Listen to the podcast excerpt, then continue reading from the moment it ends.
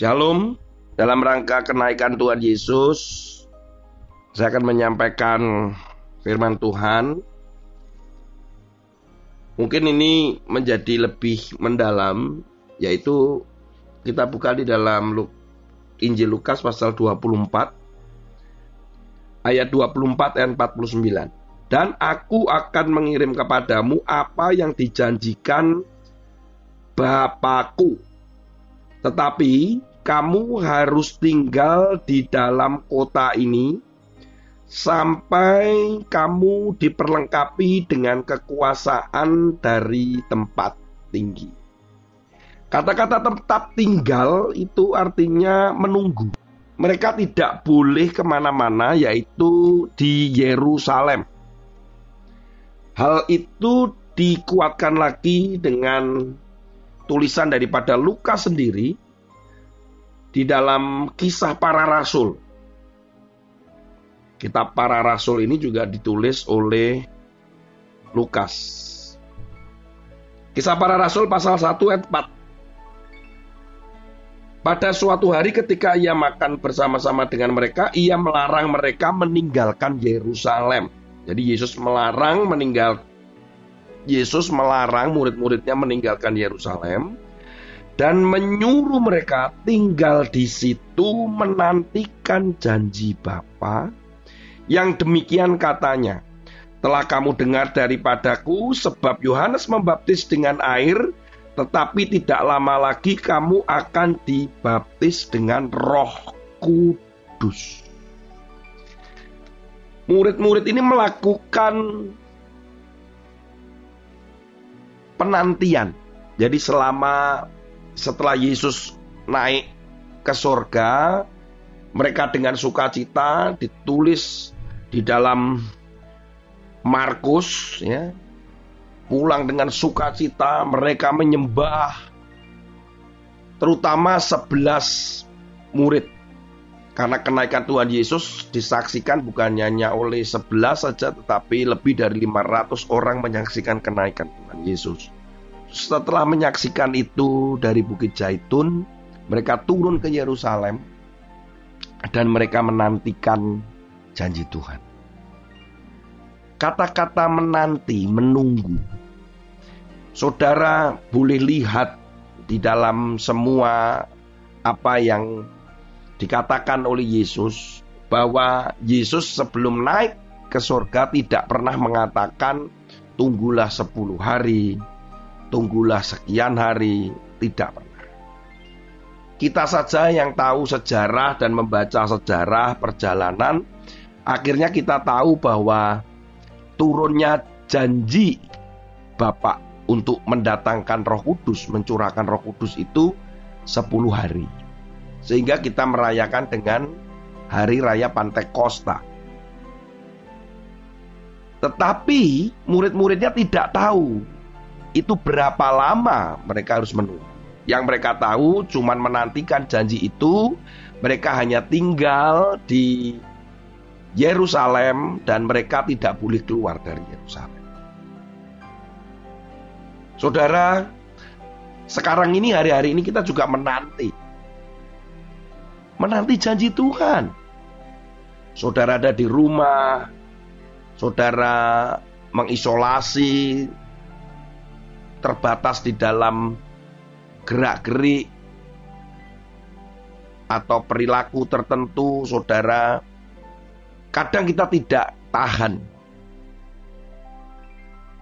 Tetapi banyak orang hari-hari ini tidak tahan sehingga mereka keluar membiarkan dirinya bercampur baur dengan orang, tidak memperhatikan protokol kesehatan, tidak menjaga jarak, tidak menggunakan masker, yang akhirnya membuat keresahan yang lain. Kenapa mereka? Karena menunggu kapan, kapan, kapan. Mereka berdatangan pergi ke mall mencari barang-barang untuk persiapan lebaran. Mereka membeli baju, memberi wah, banyak hal. Sementara juga sebagian besar orang juga menahan tetap menunggu stay at home. Saudara, menunggu itu memang tidak nyaman. Kalau seandainya menunggu itu bisa diberikan batas waktu. Tunggu ya di sini satu jam. Tunggu di sini ya dua jam. Mungkin kita masih bisa mentolerir itu. Oke, satu jam, dua jam. Tetapi kalau menunggu yang tidak ada batas waktu, itu bisa menjadi masalah, saudara. Saya akan tunjukkan kisah tahun 88 ya. ketika terjadi gempa bumi di Armenia seorang anak yang ada di dalam reruntuhan bersama dengan teman-temannya terpaksa menunggu ayahnya yang akhirnya menolong dia dengan membongkar-bongkar puing-puing itu di antara ketidakpastian, keputusasaan. Yang akhirnya anak itu bisa diselamatkan ketika ada teriakan ayah. Setelah 3 kali 24 jam. Saudara bisa bayangkan anak bersama dengan teman-temannya, dia cuma bilang begini sama teman-temannya. Jangan takut, jangan takut. Ayahku pasti menemukan kita. Karena itu adalah janji ayahku. Karena dia percaya bahwa ayahnya yang pernah berjanji akan terus mencari dia. Sementara ayahnya sendiri sudah dimarahi oleh orang-orang sekitarnya bahwa tuh stop. Sudah nggak ada harapan. Sekolahnya anakmu ini sudah sudah runtuh. Tidak ada harapan untuk hidup. Orang yang ada di dalamnya termasuk anakmu ayah ini tidak putus asa dia tidak pedulikan mereka dan terus menggali, menggali, menggali, mengangkat puing batu yang sana, mengangkat puing batu yang sini. Semuanya dilakukan itu karena dia tahu bahwa dia harus melakukan sesuatu untuk anaknya yang dia kasihi.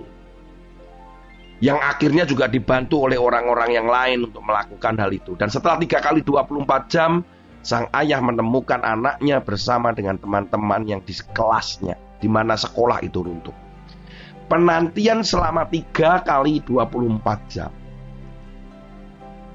Kembali beberapa waktu lalu mungkin kurang lebih 2-3 tahun yang lalu ada 13 orang terjebak di dalam gua di Thailand, gua Tam Luang 12 anak remaja usia 11 sampai 16 tahun dan satu pelatihnya yang berumur 25 tahun. 13 orang terjebak di dalam gua. Ini menjadi kisah yang sudah difilmkan. Dan mereka terjebak di dalam gua itu sampai lebih dari seribu orang terlibat untuk evakuasi menolong mereka dari berbagai negara. 90 orang penyelam profesional, lebih dari 50 negara terlibat. Indonesia pun ada penyelam yang ikut terlibat. Mereka bahu membahu untuk menolong 13 orang ini yang terjebak di dalam gua. Ini adalah gua bawah tanah. Ada lumpur di situ, ada air, resikonya tinggi, melibatkan semua pakar-pakar geologi semuanya terlibat menjadi berita nasional. Berapa lama akhirnya mereka bisa diselamatkan? Dan mereka bertahan di dalam kegelapan gua itu 360 jam. Mereka menunggu selama 360 jam untuk ditolong. Dan menolongnya harus satu persatu menggunakan tabung eh, oksigen. Dan penolongnya pun ada yang menjadi korban, meninggal Selama 360 jam di dalam gua atau sekitar 15 hari mereka menunggu di dalam.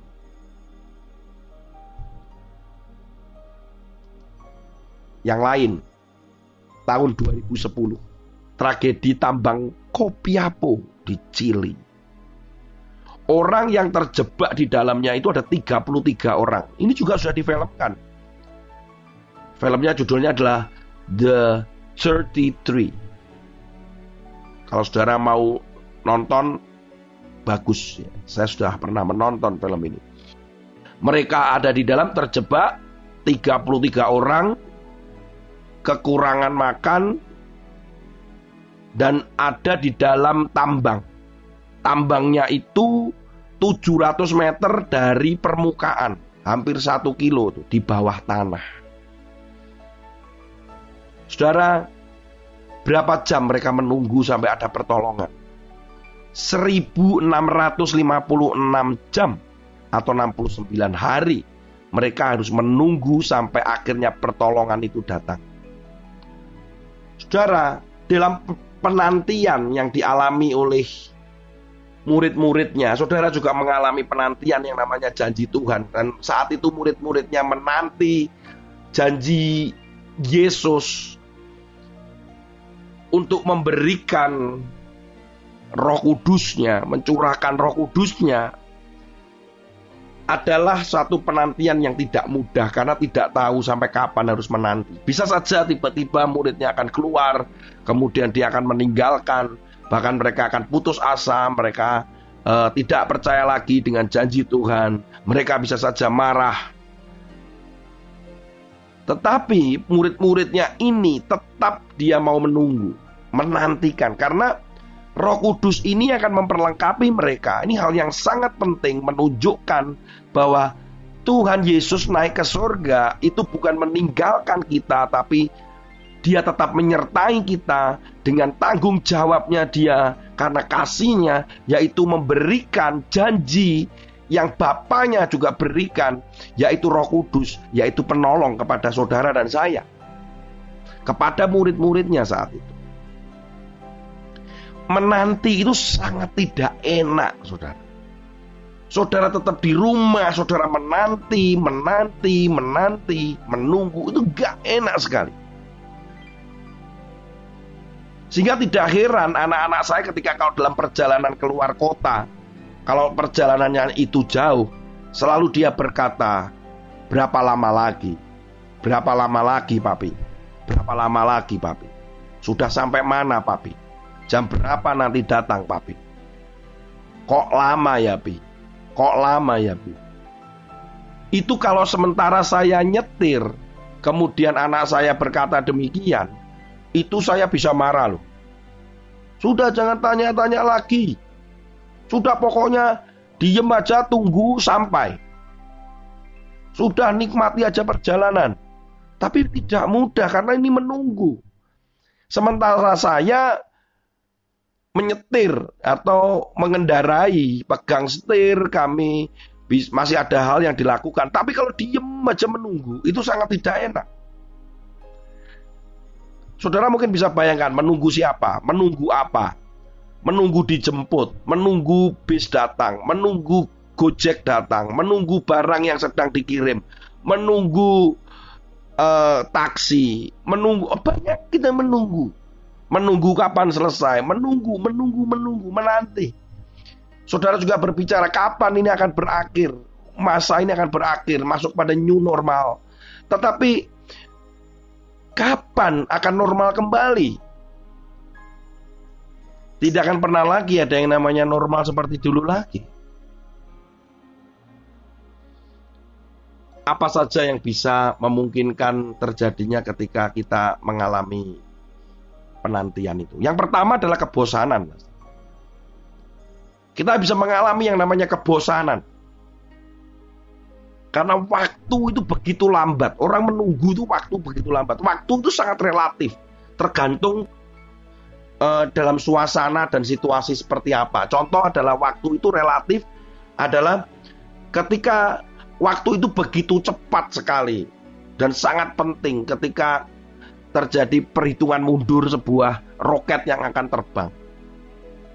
Waktu itu sangat begitu cepat sekali ketika seorang pelari yang berusaha untuk mencapai rekor tertingginya dari start sampai garis finish dan sangat berarti sepersekian detik. Tapi waktu itu menjadi lambat. Ketika kita sedang menunggu yang kita harapkan dan kita ada duduk padahal cuma satu jam tiba-tiba bisa berjam-jam merasa berminggu-minggu. Seorang teman yang dia menyaksikan ketika dia mengalami karantina isolasi di rumah sakit Dia mengatakan dia mengalami kebosanan karena dia terindikasi positif corona. Sehingga dia ada di situ, dia cuma ada nggak ada nggak bisa bicara dengan orang lain. Kemudian dia menunggu, dia tidak tahu dia harus melakukan apa. Yang ada cuma makanan yang dikirim. Kemudian dokter yang cuma sehari dua kali mengunjungi dia, dia nggak boleh menemui keluarganya tetapi dia yang ada di situ dan kesepiannya dia dan dia mengalami kebosanan sampai dia berkata bahwa dia berkata kepada istrinya dia mengatakan bahwa saya mungkin bukan bisa saja saya mati tetapi mati ini bukan karena sakit saya tetapi saya bisa mati karena kondisi situasi saat seperti itu Saudara, kebosanan itu akan menjadi masalah ketika kita mengalami yang namanya penantian. Saudara juga bisa mengalami kebosanan itu ketika saudara menantikan janji Tuhan. Di dalam Ayub pasal yang ke-10 ayat yang pertama dikatakan demikian. Aku telah bosan hidup. Loh, Ayub aja bosan, saudara. Aku tidak melampiaskan keluhanku. Aku sudah berbicara dalam kepahitan jiwaku. Saudara Ayub mengalami yang namanya kebosanan. Dia bosan dalam kondisi yang hartanya habis, istrinya meninggalkan dia, anak-anaknya meninggal, dia sakit. Sampai kapan? Di mana kebaikan Tuhan? Di dalam penantian itu, di dalam penantian yang begitu tidak jelas sampai kapan, Ayub mengalami kebosanan. Saudara juga bisa mengalami yang namanya kebosanan. Ketika Ayub menulis bahwa aku telah bosan hidup. Saya hidup aja sampai bosan. Saudara, nanti kalau diteruskan lagi, itu Ayub bisa berkata, aku lebih baik itu kembalikan saja aku kepada uh, apa namanya uh, ibuku, kandungan ibuku. Dan dikatakan bahwa tanya juga dia kepada Tuhan, kalau begitu kenapa aku mesti dilahirkan? Itu lihat, kebosanan itu membawa yang namanya kepahitan jiwa. Jadi di tengah kebosanannya sesuatu yang pahit bisa keluar, semua yang yang yang hit, yang kotor itu bisa keluar semua, Saudara. Ketika saudara mengalami kebosanan di dalam hidup ini, di dalam kondisi seperti ini, saudara bisa mengalami yang namanya kepahitan jiwa saudara bisa keluar. Bosan itu bisa akhirnya membawa satu eh, perilaku-perilaku lain yang bisa membuat masalah. Yang kedua di dalam kebo, di dalam penantian itu di tengah kebosanan bisa membawa kepada kemarahan. Kenapa? Karena berbicara dia aku tidak melampiaskan keluhanku dan aku tidak berbicara dalam kepahitan jiwaku. Orang di dalam bosan itu bisa marah. Orang dalam bosan itu dia tidak bisa karena yang keluar adalah keluhan jiwa, bukan lagi pikiran-pikiran jernih. Di dalam penantian muncul kemarahan karena apa? Karena kebosanan, sudah. Orang bisa mengambil jalan pintas karena kebosanan. Di tengah penantian itu. Karena dia mengalami yang namanya putus asa. Ini hal yang ketiga. Orang yang ada di dalam penantian dan tidak jelas sampai kapan akan mengalami yang namanya keputusasaan. Kita buka firman Tuhan. Saudara, di dalam Mazmur. Mazmur pasal 69 ayat yang ke-21. Celah itu telah mematahkan hatiku dan aku putus asa. Aku menantikan belas kasihan. Kata-kata menantikan belas kasihan, tetapi sia-sia. Menantikan penghibur-penghibur, tapi tidak kudapati. Apa yang terjadi? Putus asa, saudara. Beberapa waktu lalu di Italia ada seorang pengusaha kaya yang akhirnya menjatuhkan diri dari lantai sebuah gedung dan dia mati karena bunuh diri. Kenapa? Karena putus asa.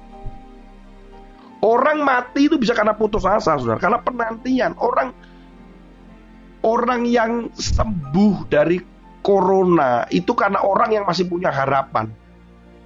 Kalau dia sudah putus asa, maka yang terjadi adalah harapan hidupnya sudah nggak ada, maka semangatnya juga nggak ada, kecenderungannya akan semakin parah, bahkan bisa mati. Kenapa? Karena putus asa. Keputusasaan itu membawa kita kepada kematian. Kematian rohanimu, kematian jiwamu, kematian tubuhmu. Ketika masa-masa di dalam penantian. Yang keempat, di dalam penantian itu orang bisa dari putus asa akhirnya mereka berbalik. Kalau ini dalam konteks kekristenan atau kita mengikut Kristus, maka orang itu ketika dia menantikan pertolongan Tuhan, menantikan kebaikan Tuhan, maka dia akan berbalik meninggalkan Tuhan. Buat apa saya percaya dengan Yesus? Buat apa saya menantikan pertolongan dan kebaikan Tuhan? Buat apa saya mengikuti Kristus? Buat apa saya menjadi orang Kristen? Sudah di luar sana saja, biar dan akhirnya dia berbalik dan meninggalkan Tuhan. Empat hal itu bisa saja terjadi dalam hidup kita ketika kita menanti-nantikan. Kita menantikan jawaban, kita menantikan pertolongan, kita menantikan kebaikan dalam kondisi saat seperti ini. Tetapi ingat Yesus telah berkata, tinggallah tetap engkau di Yerusalem. Murid-murid tetap tinggal di Yerusalem. Mereka tetap menanti-nantikan itu. Kisah para Rasul pasal 12 ayat 14. Apa yang dilakukan oleh murid-muridnya ketika mereka menunggu tanpa jelas waktunya. Mereka bisa saja mereka marah satu dengan yang lain, mereka putus asa, bisa saja mereka akhirnya meninggalkan rumah itu dan meninggalkan Yerusalem. Mereka juga bisa saja mereka kemudian marah-marah, kemudian mereka mengalami kebosanan dan mereka juga bisa saja akhirnya berbuat hal yang fatal. Tetapi murid-murid itu tidak melakukan seperti hal itu karena dia mengatakan dalam kisah para rasul apa yang terjadi Lukas menulis Kisah para rasul pasal 1 ayat 12 sampai 14 dikatakan maka kembalilah rasul-rasul itu ke Yerusalem dari bukit yang disebut Bukit Zaitun yang hanya seperjalanan sabat jauhnya dari Yerusalem. Setelah mereka tiba di kota, naiklah mereka ke ruang atas tempat mereka menumpang. Mereka itu ialah Petrus dan Yohanes, Yakobus, Andreas, Filipus dan Thomas dan seterusnya. Kemudian ada perempuan, ada serta Maria, ibu Yesus dengan saudara-saudara Yesus yang lain. Dan kemudian dikatakan apa yang mereka lakukan di situ. Apa yang dilakukan mereka di situ, saudara? Mereka, kita lihat ayat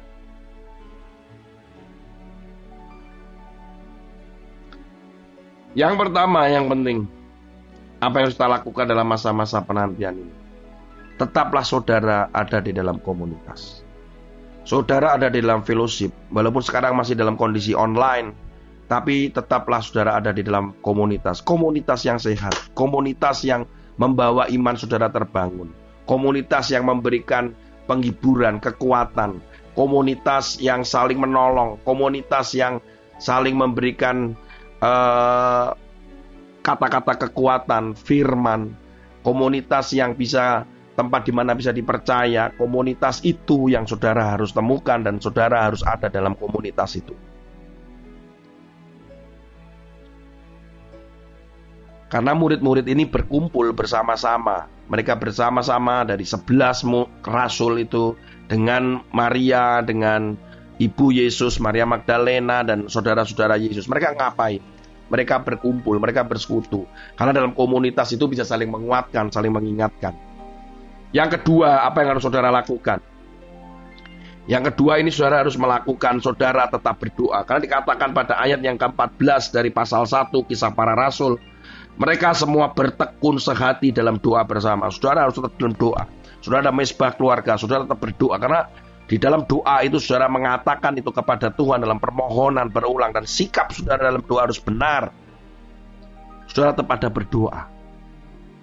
Murid-murid juga di sana dia dalam penantian mereka tetap berdoa. Dan yang ketiga, apa yang dilakukan? Mereka tetap percaya, mereka punya iman. Mereka percaya bahwa Tuhan Yesus tidak pernah mengingkari janji. Tetap percaya, jangan kehilangan imanmu. Jangan kehilangan harapanmu. Orang yang kehilangan harapan orang seperti orang layang-layang yang terputus dari talinya. Engkau harus punya pegangan, engkau harus punya iman, engkau harus harus punya sesuatu yang kau pegang yaitu iman percaya kepada Yesus. Dunia nggak bisa dipercaya, medis nggak bisa dipercaya. Siapa yang bisa dipercaya? Uang juga nggak bisa dipercaya. Hanya Yesus yang bisa dipercaya. Dia kalau janji tidak pernah dia ingkari. Saudara, semua nubuatan-nubuatan dan janji-janji yang ada di dalam Alkitab Tuhan genapi satu persatu. Tinggalnya tinggal kurang lebih 20 sampai 30 persen ke depan. Dan hari-hari ini juga sedang ada penggenapan itu. Janji Tuhan tetap ya dan amin. Milikilah tetap harapan, miliki tetap imanmu dan percaya dan tetap engkau harus percaya kepada Yesus. Dan yang terakhir, saudara lakukan sesuatu in action. Yang keempat, lakukan sesuatu. Saudara harus bertindak, jangan diem aja. Jangan hanya dia menunggu, dia menunggu. Saudara bisa baca buku, saudara semakin mendalami firman Tuhan, saudara bisa melayani, saudara bisa menolong orang. Lakukan tindakan, lakukan keseharian sesuatu yang saudara bisa kerjakan. Jadi empat hal yang saudara lakukan supaya saudara nggak mengalami yang namanya kebosanan, saudara kemarahan, putus asa, dan bahkan berbalik yaitu saudara harus tetap di dalam komunitas. Yang pertama, yang kedua, saudara tetap harus berdoa. Yang ketiga, saudara tetap punya iman, jangan sampai saudara kehilangan iman itu. Dan yang terakhir, saudara tetap melakukan sesuatu, tindakan, in action, supaya saudara tahu suatu hari ini akan berakhir. Dan saudara tiba-tiba kejadian mujizat dan semuanya sudah berakhir. Dan penantian kita tidak sia-sia. Tuhan Yesus memberkati. Selamat dari kenaikan Tuhan Yesus. Dan tetap saudara-saudara tetap di dalam imanmu dan ingat janji-janji Tuhan adalah ya dan amin. Tuhan Yesus memberkati. Haleluya.